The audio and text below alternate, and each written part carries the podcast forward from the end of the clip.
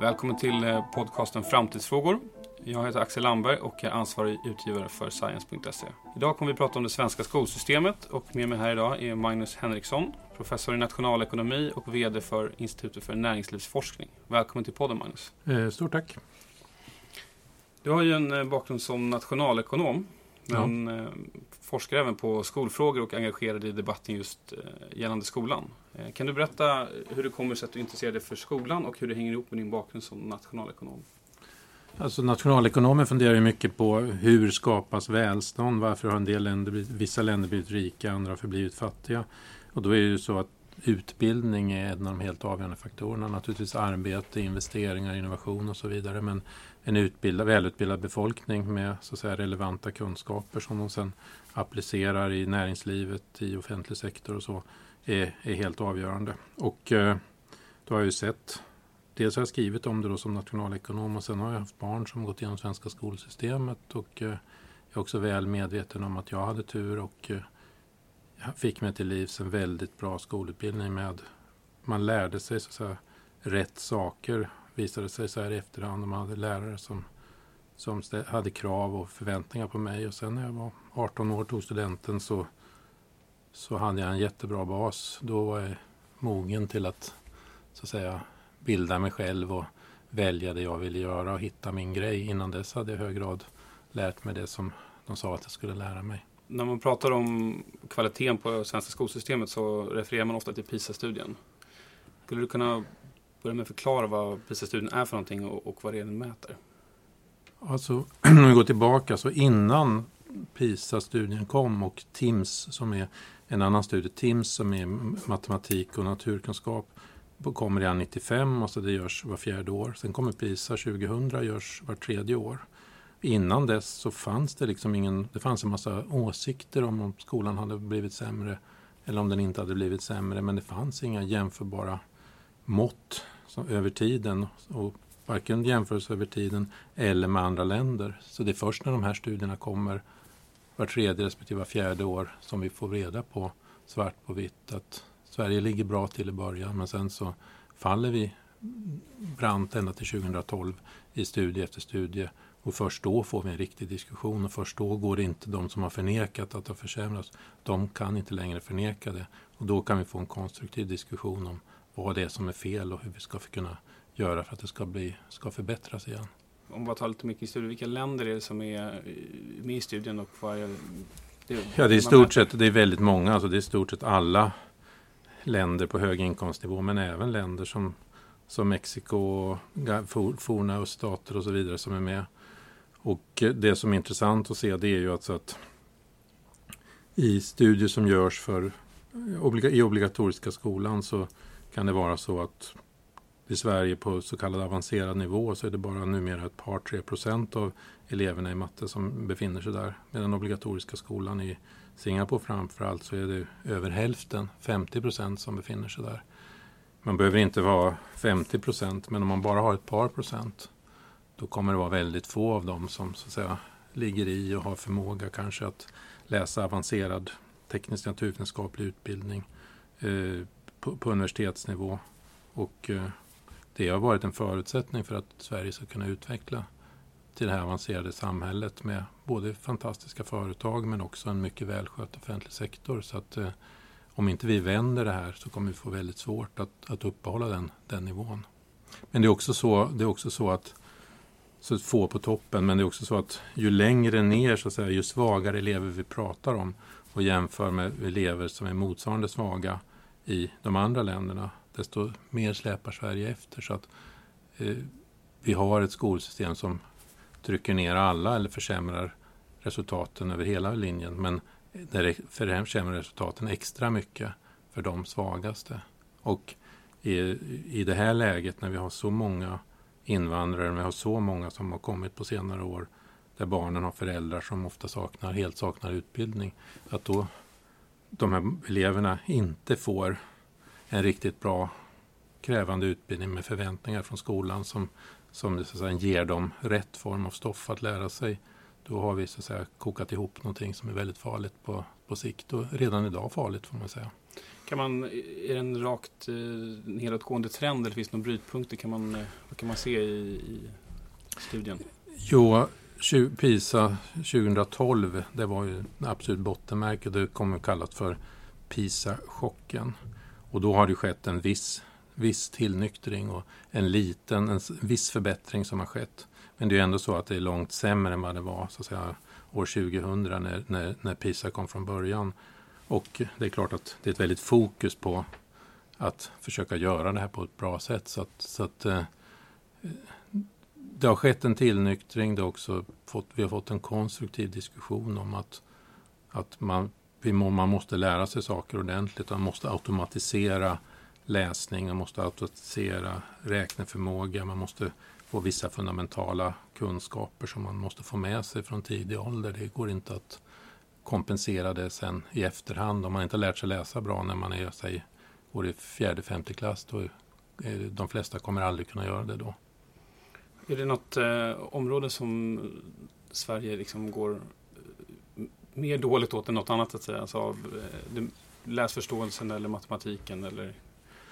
Ja, man kan säga att i den, den kunskapssyn, den här konstruktivistiska kunskapssynen som vi har gör ju att ämnen som till exempel naturkunskap, där kan det bli hur dåligt som helst. I matematik, speciellt så att säga, på lägre nivåer, de testerna som görs i årskurs 4, så blir det inte riktigt så dåligt för att man förstår liksom att man måste lära sig addition, subtraktion, eh, multiplikation och division och sådär. Men sen, ju längre upp i åldrarna det kommer, desto mer eftersläpning blir det och framförallt blir det eftersläpning då för, för de svaga, svaga eleverna. Men däremot naturkunskap, när vi inte har läroplaner som, ta, som talar om att det gör tydligt vad det, är, vad det innebär att läsa biologi till exempel i årskurs 5. Vad är det man ska vad är det för stoff man ska lära sig och på vilken nivå ska man lära sig det här stoffet. Det finns heller inga regler eller det finns liksom inga godkännande av läromedel utan det kan mycket väl vara så att en skola har de fantastiskt bra läromedel, en bra bok som, som och då kan det bli bra resultat där. På en annan sitter de kanske med iPads och eh, eleverna ska själva försöka eh, på nätet läsa om fotosyntesen eller, eller hur, hur ett träd får näring eller vad det nu kan vara för någonting. Och det, det är klart att då, då blir det bara så att när vi tittar på resultaten så kommer det att vara väldigt stora skillnader mellan olika skolor. Och sen står politiker och upprörda över att det är så. Men ni har ju själva, ni politiker har ju själva riggat ett system som vi vet, bara vi tittar på det, kommer att leda just till det här resultatet. Gå hem och skapa ett bättre system istället för att stå och vara upprörda över det ni själva har skapat. Ni, ni borde stå vid skampålen istället. Om, om, man ska sätta Sverige i bara ett eh, internationellt perspektiv, vem ligger i toppen PISA-undersökningen? Hur långt ner ligger Sverige? Vad, vad har vi runt omkring oss? Alltså så man får en en, ytterligare en bild av, av var vi är någonstans just nu. Det är klart att allra bäst är de asiatiska länderna. En del av de tidigare östeuropeiska länderna, Tyskland, Polen och så vidare har skärpt sig. Eh, och det är stora divergenser. Alltså det, det, det, här problemen som, som finns i Sverige med att det är otydligt vad man ska lära sig, den, slags, den här konstruktivismen. Det är ju så att säga nästan de flesta västländer har det här problemet. Latinska länderna är det ett jättestort problem. I USA är det ett stort problem. Alltså att det här som har gjort att resultaten faller i Sverige under 2000-talet det infördes i USA mellan 1965 och 1980 i nästan alla skolor. Vilket har lett till de här väldiga skillnaderna i USA mellan, mellan olika skolor och väldigt svaga resultat hos de som som kommer från en fattig bakgrund med lågutbildade föräldrar. Och har ju gjort att amerikanska övre medelklass och, och familjer ägnar enorma resurser då åt att slussa in barnen i en skola som kanske man, man måste betala en privat skola eller så flyttar man till ett område och betalar väldigt mycket för en bostad där för att barnen ska få gå i en skola som de vet råkar vara bra. Och eh, det var ju precis så här det inte var i Sverige utan man kunde faktiskt bo i Rosengård och skolan var någorlunda okej. Okay. Nu är rådet att okej, okay, bor du ett ställe där skolorna är dåliga då ska du se till att välja en skola och sen så ska du eh, bussas dit eller åka dit på egen hand. Det är ju liksom helt fel tänkt. Har vi ett offentligt skolsystem så ska även den sämsta skolan, någon skola kommer att vara sämst, men den ska vara hyggligt bra. Man kan inte säga till de föräldrarna att vilken otur, du borde faktiskt ha valt en annan skola. Utan man kan inte bara använda exit som mekanism för att skolor ska bli bättre utan man måste faktiskt använda också att det är en skyldighet så att säga av politiken och statens skyldighet att se till att även den sämsta skolan som existerar är så bra som möjligt. Man, man undrar lite grann eh, vad, vad de här resultaten beror på. Du har varit inne på flera ämnen här. Men eh, du publicerade nyligen en, en studie som heter Post-Truth Schooling and Marketized Education Explaining the Decline in Swedish School Quality. Som du har skrivit tillsammans med Johan Wenström. Mm. Eh, I studien listar ni en rad olika faktorer som kan förklara de sjunkande resultaten. Ehm, du kan väl berätta själv lite grann om vad studien handlar om och vad det är som ni pekar på. Jag vet att du har varit inne på några av de här bitarna redan. Men... Vi säger att grunden, det, det finns ju så många faktorer som diskuteras. Lärarna inte behöver vara, ha högre kompetens eller det var kommunaliseringen eller det att de vinstdrivande aktörerna som finns, det är de som förstör eller det är för lite pengar i skolsystemet för få lärare eller vad det nu kan vara för någonting. Vi säger att ja, det här är, de här problemen finns, men i grunden, det finns liksom ett grundläggande problem med alltihop och det är kunskapssynen. Alltså att man måste gå tillbaka och se, gör man rätt saker i skolan? Vet man vad det är för någonting som man ska åstadkomma? Och det säger vi att det gör man inte för man har en kunskapssyn som är väldigt subjektivistisk och konstruktivist. Man ska skapa kunskapen själv så att säga utifrån sig själv och man ska utgå från sina egna intressen och sin egen bakgrund, sina egna erfarenheter. Och läraren ska i hög grad vara någon slags handledare som som är väldigt lätt han leder eleven eller ställer upp och ger eleven råd om den så, om den så önskar. Och detta gör ju i praktiken att ett problem är då blir ju din klassbakgrund helt avgörande för var du hamnar. De flesta kommer, vadå egna intressen och egen bakgrund? Jaha, så att var kommer då de här intressena ifrån? Jo, det kommer ju från i hög grad den sociala bakgrunden den sociala kontext som du, som du finns i skolan ska ju ha ett kompensatoriskt uppdrag. Så oavsett hur oprivilegierat det är där hemma så ska skolan erbjuda någonting som gör att du förhoppningsvis kan få med dig saker därifrån så du kan bli, göra dig själv fri från, från de här nackdelarna som du har hemifrån. Och eh, det gör den ju inte då utan med konstruktivismen så har man, gör man var och en sin egen resa så kommer det bli väldigt stora skillnader. Men det är också så att det är ineffektivt. Att du kan jobba väldigt hårt och komma väldigt, väldigt kort, kort bit på väg. Så det inte, finns ingen motsättning mellan att du har jobbat stenhårt i grundskolan och gymnasiet men sen i efterhand kan ganska så lite. Och, eh, och då när samhället då vägrar att tala om så att säga vad det är du ska lära dig och då utan det, det, ska du bygga själv. Om du då släpper in konkurrens och eh, skolval och olika aktörer i det här som tävlar om checken som varje elev har. Då är risken stor att man tävlar i helt andra dimensioner än att lära sig mycket. Och eh, det är det vi har fått och det ser vi ju om, du går på en gymnasiemässa. Det kanske ändrat sig lite men jag menar, mina barn, bara några år sedan på en gymnasiemässa så handlar det i hög grad om att du kan ta körkort eh, på vår skola. Vi bjuder på en dator. Vi har den finaste utsikten i, i Stockholm. Vi, det vi, eh, vi, eh, hos oss har du bara lektioner på förmiddagen eller på eftermiddagen vilket gör att du kan ha ett halvtidsjobb vid sidan av. Den typen av säljargument. Men däremot såg man ingen, vad jag kommer ihåg, som sålde sig i meningen att eh, här lär du dig så mycket så att du kommer att klara inträdesprovet på till Cambridge University eller vad det nu kan vara för någonting. Vi har tre stycken som har börjat på den här amerikanska toppskolan. Så går du vår skola så, så står hela världen öppen för dig. Det, det är ingen som marknadsför sig på det sättet. Det är många som menar att eh, skolreformen från 1994 mm. är grunden till den här kunskapssynen. Vad, det kanske är lite för drastiskt, men vad, vad, vad är det som förändras 94? För det första är det så att det är en stegvis process. Så att redan så att säga slutet på 40-talet så kommer de första utredningar som förflyttar fokus från skolans bildningsuppdrag till att bli ett socialt uppdrag och sen så någon slags frigörelseprojekt för den här unga individen. Och sen så kommer det i slag i slag så kommer de olika, olika reformerna. 94 års reform så är det här blommat ut totalt och då ska man säga att det är ingenting, det är bara en kopia av sånt som låg i tiden och som genomfördes i andra länder tidigare. Så att eh, det i Frankrike 1989 så den socialistiska eh, premiärministern Jospin eh, gjorde en, en sån här tillsammans med Bourdieu och Derrida som var, som var så ledde den här utredningen som gjorde att man införde den här typen av konstruktivistisk syn i Frankrike. Som man sen så såg det blev katastrofalt för resultaten. Frankrike hade ju antagligen världens mest välutbildade underklass om man kan få tala om det på så sätt. Men sen så gjorde det att de blev inte så välutbildade längre med de sociala problem som det ledde till.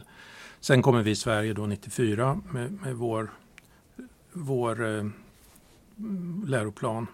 Och då är det ju så att man, vad, vad, är kunskapsmål och betyg? Det är någonting som förs ner på gräsrotsnivå. Det ska man sitta och diskutera nere på respektive skola.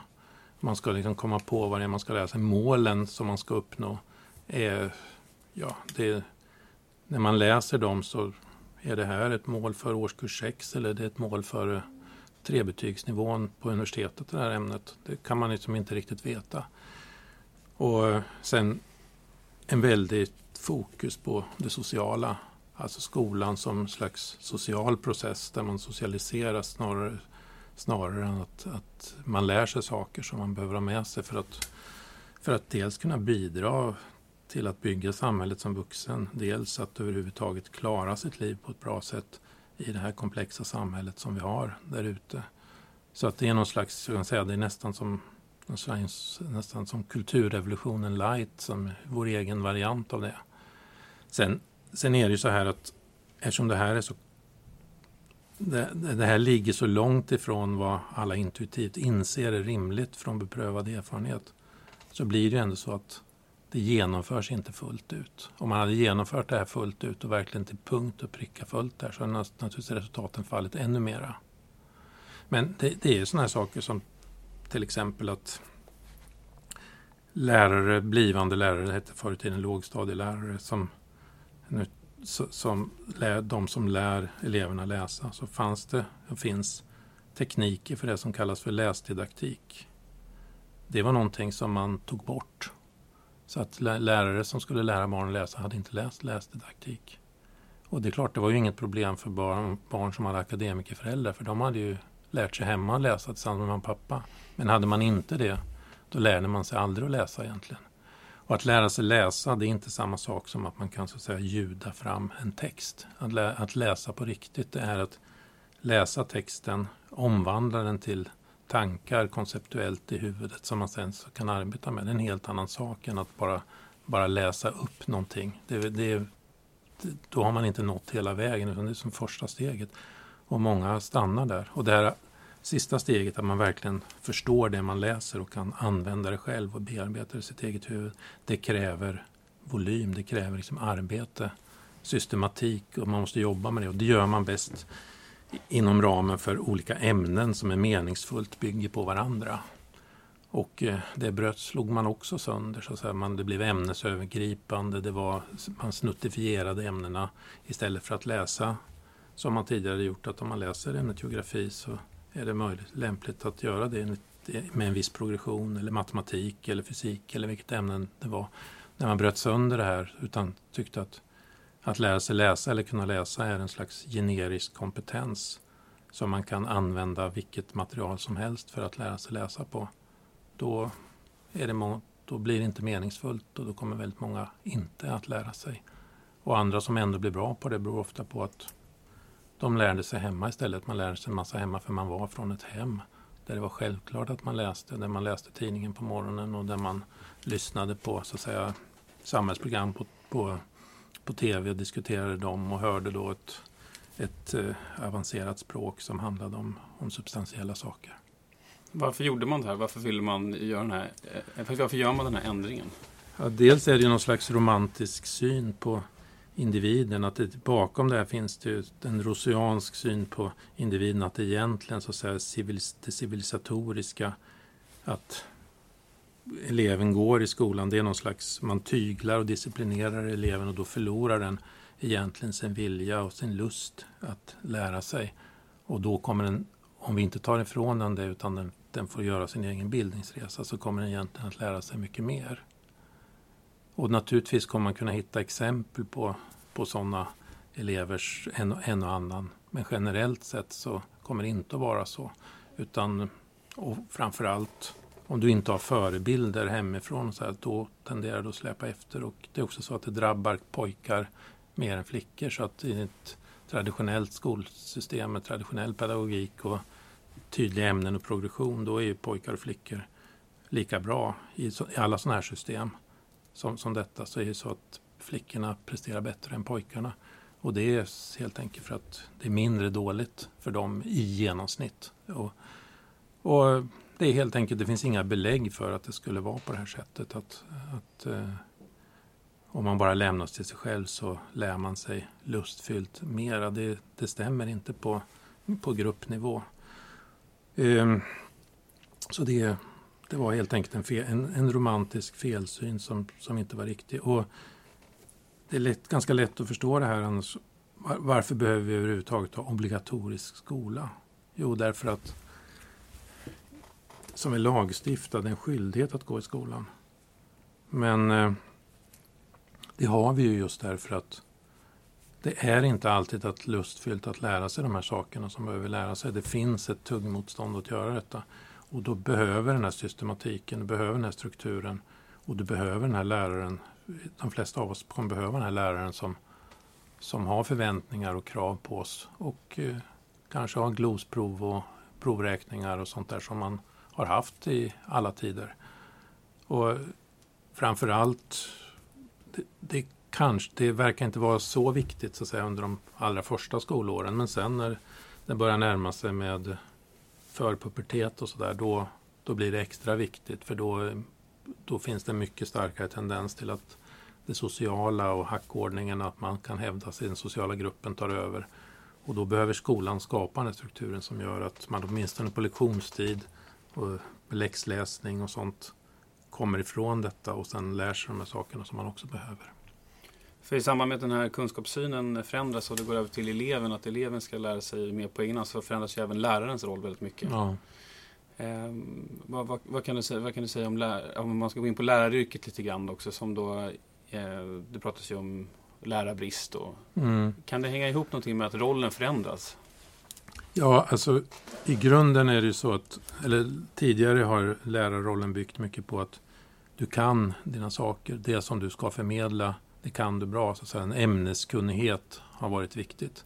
Det var ju någonting då som spelades ner att det behövs nästan inte utan bara du är en lärare någon slags generisk kompetens också så att du kan mycket väl vara svensk lärare men ändå nästan vara undervisa i matte också. Och därför fick man där 1-7 lärare och sådana saker. Eh, och att en lågstadielärare, det var, inte, det var inte en speciell kompetens att, att kunna var duktig på att just i det, det eh, utbildningsstadiet kunna, kunna förmedla det som behövde förmedlas. Och eh, då blev det ju, när inte det blev viktigt, ja då är det klart att eh, då var det mycket svårare att få människor som var akademiskt lagda och sen satt en ära och heder i att jag kan mina e-, ämnen, jag älskar mina ämnen och de vill jag förmedla till eleverna. Det är klart att då fick du inte sådana personer i någon större utsträckning som valde läraryrket. Utan generellt sett så är det väldigt många med svaga gymnasiebetyg som sen så går lärarutbildningen och de kunde inte längre då, om man är ämneslärare, ha samma läsa, om du var mattelärare tidigare så läste du matematik på universitetet på precis samma nivå som andra som skulle bli matematiker och sen gick du din lärarutbildning. Nu är det ju, har det ju inte varit så utan nu läser du en enklare variant. Så att eh, ämneskunnighet blir inte viktigt. Plus att eh, om du bara ska vara handledare till eleven då, då är det ju inte den där auktoriteten som eleven... Och, och då, är det, då blir det ett socialt yrke snarare än ett kunskapsförmedlande yrke. Och då har det ändrat karaktär och det är liksom uppenbart att generellt sett så, så tycker inte lika många duktiga personer att det är ett attraktivt yrke utan man utbildar väldigt många i förhållande till hur många som behövs men ändå är det så att det trots att man tar in så 10 000 på utbildningen varje år så det borde räcka mer än väl. Det borde bli ett läraröverskott men nästan, en fjärde, nästan fyra av tio hoppar av utbildningen. Sen så slutar en 20 procent redan de första två åren och sen droppar de av plus att ett antal går i pension varje år så att trots det här väldigt stora intaget så är det allt färre som, som faktiskt har utbildning som, som undervisar. Jag bara hörde häromdagen så, så var jag uppe, uppe eller berättar man i, i, på många ställen i Norrland så finns det i princip inga legitimerade lärare och eh, du måste vara legitimerad lärare för att få sätta betyg. Så nu har det blivit ett särskilt yrke att legitimerade lärare åker runt i Norrland och sätter betyg på elever som de överhuvudtaget inte känner. För de har betygsättarrätten. Och då har det gått, då, då är det inte bra. Och, och, eh, så det här är väldigt bråttom att ordna till för att eh, har du växt upp i en sån ort så, så chansen att du ska liksom få den utbildningsbas som gör att du kan ta dig vidare är ju inte så stor utan många kommer inte komma någon vart bara för att samhället gav dem inte möjlighet att lära sig det som man behövde lära sig under sin mest receptiva tid i livet när man är så att säga 6 till 16 år gammal. Och då, då fastnar man, liksom kommer man inte vidare och det är en skandal i sig. Ni, ni är inne på det i en studie, det här med betygsinflation. Ja. Eh, som, som, eh, som, där friskolorna kanske haft eh, tagit täten tidigare. Vad kan du säga om det? Alltså för det första är det så här att det finns inget politikerna har liksom det, politiken har ju det huvudsakliga ansvaret därför att det hade gått att designa ett betygssystem som, som inte går att ha inflation i. Men det gjorde man inte. Och eh, sen har du liksom konkurrens på vissa lokala, vissa städer eller vissa orter så är det många skolor som konkurrerar om eleverna. Och det är klart att om du kan höja betyget lite och öka din attraktivitet så kommer det komma igång en inflationsprocess där.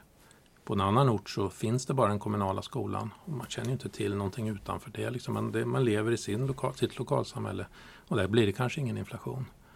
Och Samtidigt så har vi liksom att intaget till de attraktiva gymnasierna men framförallt sen intaget till olika postgymnasiala utbildningar. Alltså, vem får bli läkare, vem får bli jurist, vem får bli eh, civilingenjör och så vidare. Liksom, det är ju i första hand betygsintag som det handlar om.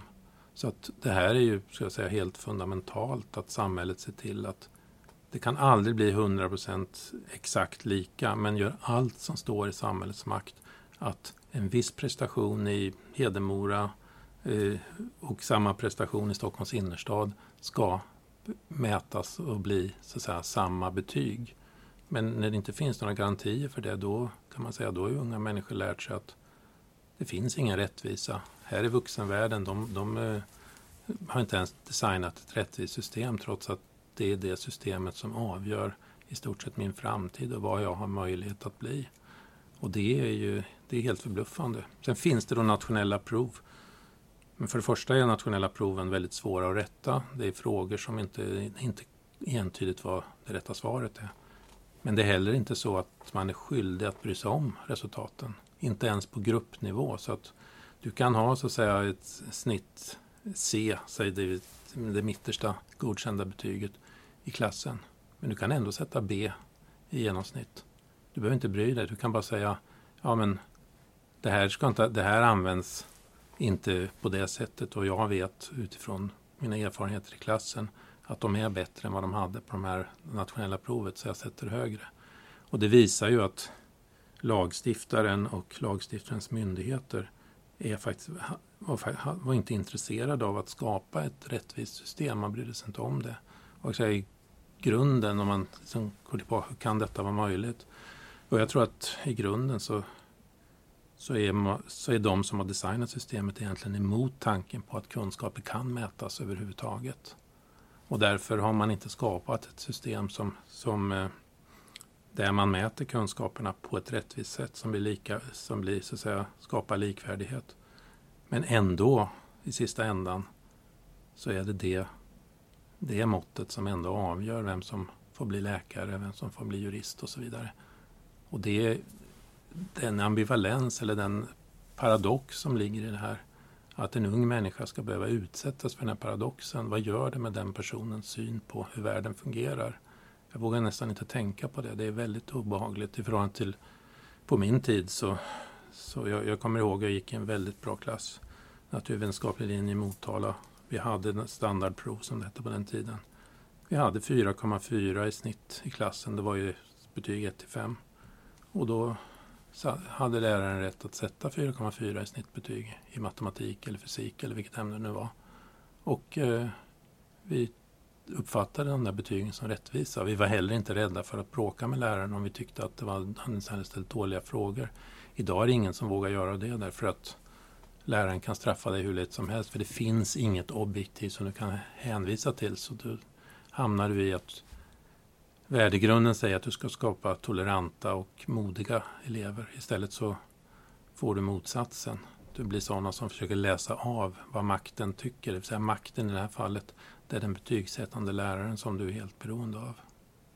Och hur, hur, hur, alltså, hur påverkas, eh, om man tar ett nationalekonomiskt perspektiv, hur påverkas samhället på kort sikt och lång sikt av att studieresultaten ser ut på det här sättet? Eh, två saker. Ett är ju att de länder, det, det är liksom ingen tillfällighet skulle jag säga att västerlandet blev så domin, blev dominerande ekonomiskt, teknologiskt, eh, geopolitiskt, militärt på gott och ont därför att vi var snabbast med att införa en typ av systematisk undervisning som gjorde att vi lyfte befolkningen och sen, sen kunde driva de här sakerna. Och eh, om vi inte får fram eh, människor som kan så att säga på ett bra sätt utveckla säkerheten i, i Forsmarks kärnkraftverk eller ta hand om slutförvaringen på ett smart sätt eller utveckla nästa generation lastbilar eller vad det nu kan vara för någonting. Det är klart, då blir vi beroende av att köpa in de här tjänsterna utifrån. Det kommer kosta mycket pengar men vi kommer liksom inte styra vårt eget öde. Eh, om vi inte har ingenjörer att utveckla lastbilarna i, i Volvo, Volvo i Göteborg eller Scania i Södertälje så kommer det bara en stegvis process där de som är chefer för det här säger att okej, okay, det finns inte kompetensen här. Det finns många bra i Riga, vi lägger till exempel, eller Tallinn eller i Warszawa, vad vet jag. Vi lägger nästa utvecklingsavdelning där. Och så går det så, här långsamt och stegvis. Men det betyder inte att Sverige kommer att bli ett jättefattigt land utan mycket byggs ju ändå in i teknologin och sådär. Men vi kommer inte själva vara de som, den som designar det här. Det är precis som det är i u-länder idag som, som lyfter sig på basis av utländska investeringar. Det gör de ju inte på sina egna villkor utan det gör de ju på de utländska bolagens villkor. Men om de hade haft en väldigt välutbildad befolkning under hundra år tidigare så hade de gjort det, byggt sina länder på sina egna villkor. Så att eh, det, det, det är den ena saken som händer. Den andra är ju att du får väldigt stora, stor ojämlikhet. Att du får, precis som det fått i USA, att eh, framförallt pojkar, 10-15 procent som kanske inte alls hänger med, väldigt, väldigt, har väldigt lite kunskaper. Och de kommer ju vara utan, och de kommer utanför, dels får de inte ett bra liv, de får inte vara med och bidra och sen kommer de ställa till väldigt mycket problem för alla andra. Och eh, så, så no-go-zoner och sånt som man pratar om är det någonting som är viktigt för att undvika det så är det att komma ifrån social konstruktivism. Jag skulle säga att i USA när det här införs, innan det här har införts, så kan man säga att den framförallt svarta befolkningen i USA närmar sig den vita majoritetsbefolkningen i kunskaper och också börjar bryta in och klara sig ganska bra. Sen kommer socialkonstruktivismen och då går det utför så att säga. Då ökar skillnaderna och föräldrar måste vara om sig och kring sig för att själva jobba med sina barn, eh, kanske till och med ha egna läx läxläsning, läxhjälp, eh, kanske då om man har ännu mera pengar att gå i en privat skola som man betalar 25 000 dollar per år för, för att gå i. Och det säger sig självt att det är de som klarar av att göra detta, deras barn drar ifrån. Och så får du den här stora diskrepansen. Och nu, jag menar att det, det är det vi ser hända framför våra egna ögon i Sverige. Och därför är det otroligt viktigt att väldigt, väldigt snabbt vända detta. Det är liksom nyckeln. Nyckeln är inte i att omfördela med skatter och bidrag. Nyckeln är att vad säger, vad säger man? Att, att ge nästa uppväxande generation verktyg att göra något av sina liv eh, oavsett föräldrabakgrund. Och, och om du eh, avslutningsvis skulle peka ut tre åtgärder till, till politiker kan vi säga då. Eh, för, för, att förbättra resultaten över tid. Vilka, vilka insatser skulle du välja? Ja, den absolut viktigaste, det man måste börja med, det är som konkreta läroplaner där man mycket tydligare säger att det finns ämnen, de läser man med progression. Man stipulerar så att säga på vilken nivå de ska läsas. Se till att det utvecklas läromedel som, som stämmer med de här. Och sen så att man använder de här nationella prov som är ganska som är entydiga i hur man rättar dem. Då kommer så att säga systemet att ställa om sig. Då kommer man jobba i den andan. Sen, och man måste börja där. Man kan inte bara säga så här att vi måste kompetensutveckla lärarna. Det är ingen idé att kompetensutveckla lärarna om läroplanen säger att fel saker så att säga. Plus att det går inte att börja där eftersom det är, det är ett projekt som tar decennier och vi har de lärare vi har. Sen med nya läroplaner, nya läromedel, nya mål och nytt innehåll då kommer så att säga kraven på en ny en lärarutbildning som är anpassad till vad yrket faktiskt handlar om. Då kommer det att komma och då kommer det gå att ändra lärarutbildningen också. Men det kommer aldrig gå att börja med att ändra lärarutbildningen. Det är, det är inte möjligt för att eh, man har inte makten över att ändra universitetet på det sättet. Så att, eh, läroplanen är det viktigaste och innehållet och sen så eh, en extern, extern kontroll av resultaten på gruppnivå kan man säga. Och så, så kan man inte sätta högre genomsnittsbetyg än det. Nu har vi alltså så att nu har vi det nya betygssystemet som kom för några år sedan med betyg A till F. Där A till E då är godkända nivåer. Första året här kommer så är det väldigt svårt att få A. Det krävs väldigt mycket. Nu vittnar man om att nu har hela det här systemet tappat sitt ankare. Nu glider det iväg mot högre betyg. Det vill säga den person som för två, tre år sedan slutade gymnasiet såg att jag kommer in på den här och den här utbildningen men jag behöver ett break på två år. Och sen så kommer den att söka på de gamla betygen. Men de kommer inte fungera därför att sen dess har det blivit inflation så det kan två årskullar till som med samma prestation har mycket högre betyg än du. Och man undrar ju verkligen vad, vad har vi för ansvariga skolpolitiker och vad har vi för ansvariga skolmyndigheter som tycker det är okej okay att, att, att vi har ett sånt här system. Så att, eh, det, men åtgärdar vi det här så kommer alla anpassa sig till nya reglerna och tre, fyra år senare så, så kommer det att tugga på bra. Bra, men eh, jag får tacka så mycket för att du varit med i podden och eh, hoppas att du vill vara med igen i framtiden. Absolut, tack ska du ha. Tack. Tack.